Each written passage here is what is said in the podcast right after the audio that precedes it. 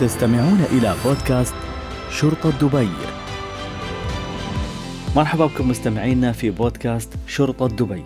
نسعد بانضمامكم إلينا في هذه الرحلة الجديدة وهذه الحلقة الافتتاحية. يشرفنا استضافة الأستاذة زينب حسين مدير التحرير في مجلة خالد بإدارة الإعلام الأمني والمختصة في مجال صحافة الطفل. نرحب فيك في البرنامج أستاذة زينب.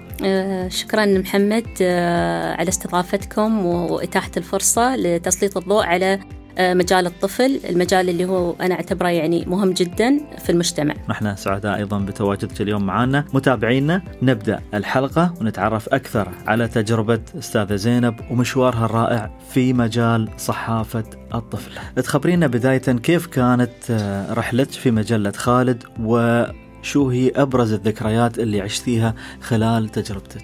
أول شيء طبعا ببدأ أتكلم عن المجلة هي نفسها طبعا مجلة تعتبر مجلة يعني تاريخية كانت بدايتها في 1992 طبعا بعد ما داومت يعني واطلعت على تاريخ المجلة خبروني طبعا زملائي في المرور كانوا وقتها أن مجلة خالد أصلا كانت وليدة فكرة فريق ضاحي خلفان تميم وقتها كان هو قائد عام شرطة دبي. كان في حادث لطفلة آه، أجنبية صار في عندنا في دبي كانت راكبة البنية في ال seat الأمامي. وطبعا ما ربط حزام الأمان فالحادث صار في تهشم في الزجاج. فطبعا البنت انجرحت وايد فويها وصارت عندها خياطات وشي فويها فمن بعد هالحادث هذا أمر بإنشاء مجلة توعوية مرورية للأطفال. يعني تكون توعي بالمرور. وفي أكيد هذاك الوقت أنا كنت بعدني مو موجودة بس أكيد مثلا قوانين انحطت تغيرت وموضوع الحزام الأمان صار يعني أكثر في focus عليه وتركيز. فمن بعدها طبعا المجلة آه، بدت مرورية في 92 وكانت من هذاك الوقت للأعمار اللي هي من تسع سنوات إلى 15 سنة وما زالت إلى الآن الفئة العمرية المستهدفة. وبعدين أنا عقبها بفترة انضميت للمجلة. الصراحة يعني ما شاء الله الفريق العمل كان موجود already كان يعني قايم دور كبير يعني في إنشاء المجلة في هذاك الوقت. بس طبعا كان أكيد كل حد له لمساته وإضافاته سنة يعني. كم تقريبا كان انضمامك معها؟ آه 94 عقبها بسنتين يعني. ف يعني كنت توني متخرجة من الثانوية آه، وكنت كنت أحب الرسم كنت شاطرة يعني مولعة بالرسم وكانت عندي وايد كتب تسالي وأشياء مثل هذه. فلما انضميت لفريق عمل المجلة كانت هاي فرصة أن أنا أحط لمساتي أنا ك توني مخلصة من المدرسة يعني أنا أكون أقرب وحدة للأطفال. فكانت عندي مجموعة من الأفكار فيت أول يعني أنا هالشيء وايد أحبه لأنه هو صدق أحس إن هاي شخصية وايد يعني قريبة قلبي آه، دخلت شخصية توتة في المجلة توتة, توتة اللي هي السيارة الوردية توتة المنظمة. توتة. آه، توتو بعدين يا آه.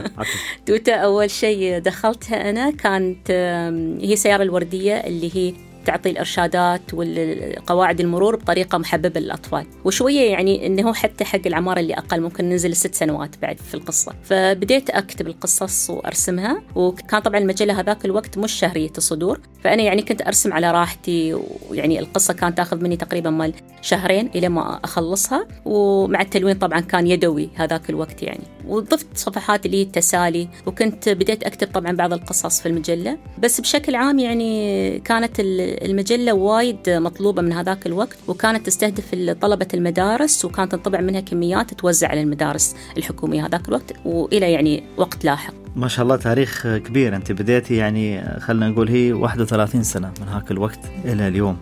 آه، كيف كانت التغيرات؟ من يوم بديتي إلى اليوم وصلنا يعني الحكومة الذكية لا ورق. طبعا المجله وايد مرت بمراحل المرحلتين الأساسيات اللي هو في آه، أهداف المجلة كانت طبعا هي المجلة من أول ما أنشئت في 92 إلى 2001 كانت مرورية.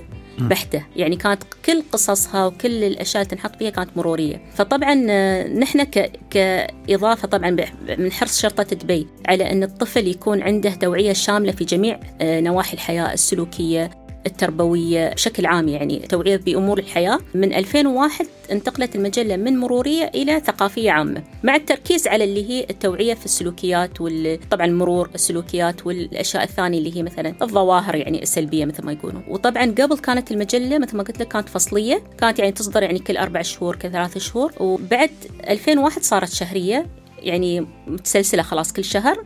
تصدر إلى الآن يعني. المجلة ثقافية عامة آه، مع التركيز على التوعية وشهرية الصدور. هاي يعني التغيرات الأساسية اللي مرت عليها المجلة. في تغيرات ثانية مرت عليها المجلة اللي هو في أيام الطباعه يعني كانت في الحجم. فيعني مثلا في مرات مرت علينا فترة كان حجم المجلة كبير يعني. عقب شوي الحجم صغرناه لأنه كان في توجهات إنه ليش ما نخلي الطفل يحط المجلة في في جيبه أو ممكن يوديه معاه المجلة أي مكان. فطبعا آه، عقب آه، ما سوينا مجموعة من الدراسات واستطلاعات الرأي واستبيانات يعني نسأل الأهل ونسأل المدرسين والمدرسات إنه شو الأفضل. فنحن توصلنا إنه هو هالحجم هو الأفضل A4 عشان الطفل ياخذ حريته في في الرسم في الكتابة في التخطيط المجلة وهو يقراها يعني. كيف شفتوا إقبال الأطفال على المجلة؟ إقبال الأطفال وايد كبير الحمد لله. يعني إلى الآن ما زالت المجلة مطلوبة. الأطفال دائما حريصين على أنهم يبعثون لنا آه، رسوماتهم قصصهم. وحتى الحين صار يعني إحنا دائما لما نروح مثلا نسوي مثلا آه، نزول الميداني للمدارس أو نسوي مثل ورش تفاعلية مثلا صغيرة دائما نخبر الأطفال إن المجلة ترى مجلتكم أنتم والمجلة أنتم تكتبونها. مو بنحن نحن ممكن نكتبها حقكم أنتم بس أنتم الأولى انكم أنتم تكتبون المجلة. فنعطيهم الانليمت مثل ما يقولون أو غير محدود عدد صفحات اللي ممكن ممكن يشاركون فيها. فمثلا ممكن يشاركون كأشغال يدوية يصورونها كستبس ويطرشون لنا. ممكن آه، يشاركون بقصص ممكن يشاركون بقالات ممكن يشاركون برسومات ممكن صورهم. ممكن يصيرون يسوون حوارات مع شخصيات ويبون لنا ويقولون لنا والله سوينا هالحوار نزلونا في المجلة. فيعني المجلة أصلا لهم هم ومنهم هم. فيعني نحن وايد حريصين على هاي العلاقة بناء العلاقة هاي مع مع جمهور المجلة. لأن لما هم يعني يتفاعلون معنا بهالطريقة نحن نعرف إن إحنا قاعد نسوي الشيء الصحيح وقاعد نعرف إن إحنا لنا حتى لو تأثير بسيط على الأطفال في وصول المعلومة في وصول التوعية أو تحقيق الهدف المرجو منه. أستاذة زينب إذا بغينا نسأل عن نوعية القصص المطروحة في المجلة وكيف تختارونها؟ نحن في عندنا قصص ثابتة يعني صار لنا سنين. مثلا توتا ما توقفت من بدأت اللي هو في 94 في ال 94 إلى الآن ما توقفت وهي أصلا الشخصية اللي هي تمسك الجانب التوعوي المروري في المجلة. في شخصيات ثانية دخلت على المجلة في شخصيات طلعت. بس في شخصيات ثابتة عندنا خالد. عنده روبوت اسمه مبدع. هم الشخصيات الثابتات اللي في المجلة ومبدع طبعا كان روبوت طلع آه، في وقت آه، مهرجان آه، الصيف في سنة من سنوات ما قاعد يحضرني الحين. فهاي من اللي كانت طالعة شخصية الروبوت هاي من شرطة دبي. فنحن طبعا حبينا أن نضيف يعني يكون الشيء متكامل يعني القصة تكون متكاملة يكون خالد شخصية المجلة مع الروبوت اللي هو طالع من شرطة دبي عشان بعد نحن نربط الطفل إن المجلة هذه من شرطة دبي هذا كان الهدف الأساسي من القصة. طبعا القصة هاي وايد خادم مبدع آه، من القصص اللي وايد نطرح فيها قضايا مختلفة. يعني ما نكون مثلا مركزين على قصص يعني آه، مثلا توته خلاص مرورية. خالد ومبدع لا مفتوح. يعني ممكن يكون مرة توعوي ممكن مرة بس معلومات ممكن بس مرة تكون قصة ترفيهية ممكن مرة مثلا آه، تكون مثلا شيء لها علاقة بالقيم مرة مثلا يكون بحدث صاير عندنا نحن في ال في ال يعني رمضان. رمضان مثلا عندك اكسبو مثلا يوم استوى مثلا سوينا قصة. آه، المبادرات اللي تصير عندنا في شرطة دبي ممكن تكون مثلا نضمها من ضمن القصة.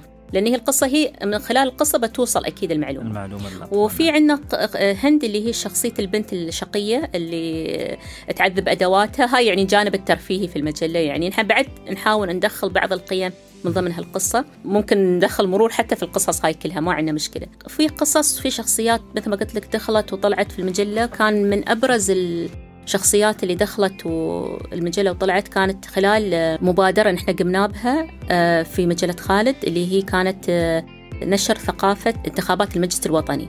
كنا حابين أن نسلط الضوء على هالموضوع بالتعاون مع آه، وزارة الدولة المجلس شؤون المجلس الوطني الاتحادي. طبعا هي المادة ثقيلة فنحن نبغى نخففها بقصة. فكانت على أيامها شخصيات آه، جديدة دخلت في المجلة حمد وحمدة. وهم الاثنين اللي كانوا كل مرة يتكلمون عن مثلا عندك آه، اللي هي الانتخابات المجلس الوطني شو معنات المجلس الوطني شو معنات الانتخاب شو معنات الدستور شو معنات هاي الأمور اللي هي القانوني بشكل مبسط بشكل و... مبسط وكل مرة كنا نسويها كقصة يعني وعلى أساس إن هي توصل للأطفال يعني الفئة العمرية المستهدفة.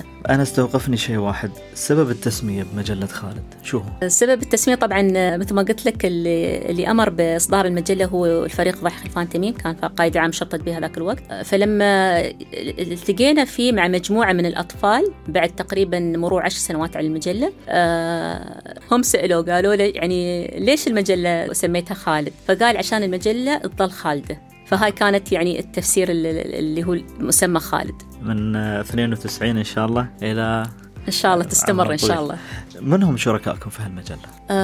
شركائنا في شركاء داخليين شركاء خارجيين طبعا. شركاء داخليين طبعا كل شرطة دبي نحن نعتبرها شركاء داخليين لأن عشان كذا نحن وايد نركز على مثلا مبادراتنا نحن في شرطة دبي إداراتنا مثلا شو تسوي خاصة الأشياء اللي لها علاقة بالطفل. فمثلا وايد سوينا مواضيع عن مثلا عندك إدارة الكلاب البوليسيه كي 9 سوينا عن الخيالة سوينا عن الروح الإيجابية الأشياء اللي لها علاقة بالأطفال يعني.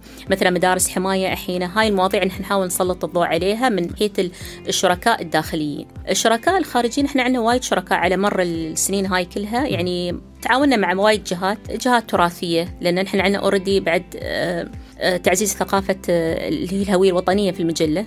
فوايد نحن حريصين على يكون على نكون دائما في تواصل بيننا وبين جهات اللي هي مثلا التراثيه آخر جهة طبعا نحن شريك الحين شغالين معاهم اللي هو مركز حمدان لإحياء التراث. هاي من الجهات اللي الحين صار لنا سنة معاهم. قاعد نسوي صفحة مشتركة ما بيننا اللي هو عن السنع نعلم الأطفال السنع آه، عندك مثلا من الجهات الثانية إحنا تعاوننا معاها قبل مثل ما قلت لك وزارة الدولة مجلس الوطني نعم. الاتحادي. آه عندنا مثلا آه جهات صحية بعد. يعني مثلا عندك مستشفى الجليلة صار شراكة بين بينهم مرة. آه سوينا مجموعة من اللقاءات هناك مع أطفال آه سووا زراعة أعضاء. يعني كانت صراحة تجربة وايد حلوة. لأن نحن دائما المجلة نحاول نسلط الضوء على بعض القضايا اللي وايد يعني ممكن حتى ما تخطر على بال الأطفال عشان نحن نوعيهم في هالجانب سواء كان صحي آه، تراثي آه، كل شيء كل شيء يعني كل ما يعني يمس حياة الطفل. من 92 إلى اليوم إذا بغينا نسأل شو التحديات اللي تواجه مجلة خالد؟ طبعا الحين في أكبر تحدي اللي هو إن الأطفال كلهم توجهوا الحين لل الإلكترونيات. يعني ها طبعا وايد تحدي كبير إنك أنت تسوي مجلة تجذب الطفل. يعني هاي من أكبر التحديات اللي حتواجهنا ومن وعلى فكرة يعني أنا هاي أنا متأكدة إن وايدين ناس يعتبرون إن آه، صناعة المحتوى أو عمل مجلة أطفال بسيط الموضوع يعني أوه بنسوي قصة أطفال يعني موضوع بسيط ما يباله شيء.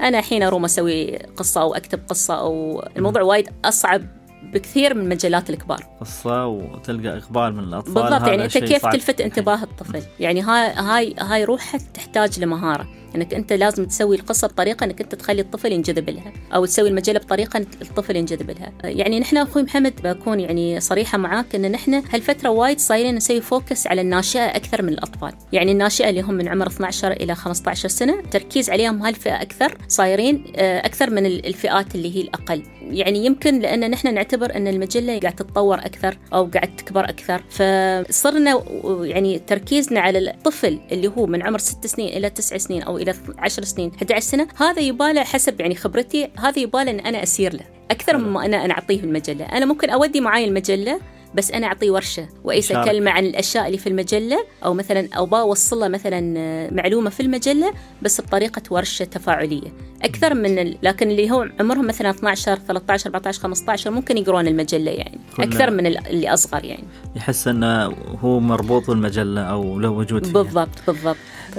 سؤال الختام أستاذة زينب. شو هي رأيتكم المستقبلية للمجلة وهل هناك خطط لتطويرها؟ أكيد يعني كل مجلة لها أكيد خطط يعني وإن شاء الله إن شاء الله إنه يعني تكون الخطط هاي إن شاء الله تشوف النور قريبا. نحن طبعا المجلة حاليا ما تنطبع أخوي محمد. فالمجله حاليا هي موجودة على على قنوات شرطة دبي اللي هي موقع شرطة دبي مركز الإعلام شرطة دبي. وموجود حتى في بعض التطبيقات مثل نبض مثلا المجلة موجودة. ونحن عادة نبعث يكون في تواصل بيننا وبين اللي هي جهات مثلا المدارس وهالأماكن نطرش لهم كنسخة PDF فيعني نحن عندنا خطط إن هي ممكن تكون مجلة تفاعلية. تكون مثلا لها موقع روحها. هاي من ضمن الخطط اللي إحنا قاعد ندرسها جميل. فهاي يعني من ضمن الأشياء اللي يعني يعني صراحة نطمح لها. آه في بعد يعني خطط ثانية بس طبعا مو في كل شيء نقدر نصرح فيه آه إن شاء الله. تقنية الواقع المعزز بتكون جميلة جدا. إن شاء الله هي يعني من الأشياء الواقع المعزز آه، كانت عندنا فكرة إنه ممكن يعني في المستقبل يكون في game شخصية تكون خالد وتكون مثل ما أنت قلت يعني اللي هي الافتراضية يعني. آه وإن شاء الله يعني. سؤال بس آه، يمكن يخطر في بال الجمهور.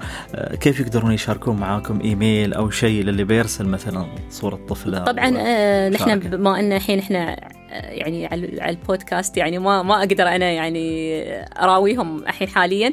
لكن يقدرون يدخلون المركز الإعلامي في موقع شرطة بيت دبي police dot gov dot ae في المركز الإعلامي اللي هو media center بيقدرون يحصلون مجلة خالد هناك أو بكل بساطة يقدرون يدخلون جوجل.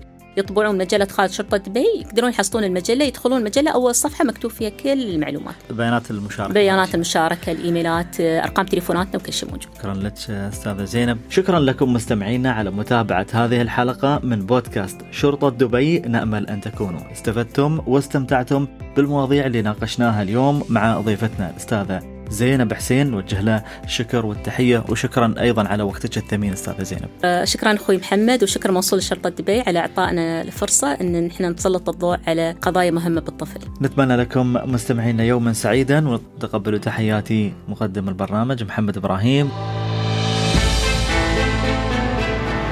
استمعتم إلى بودكاست شرطة دبي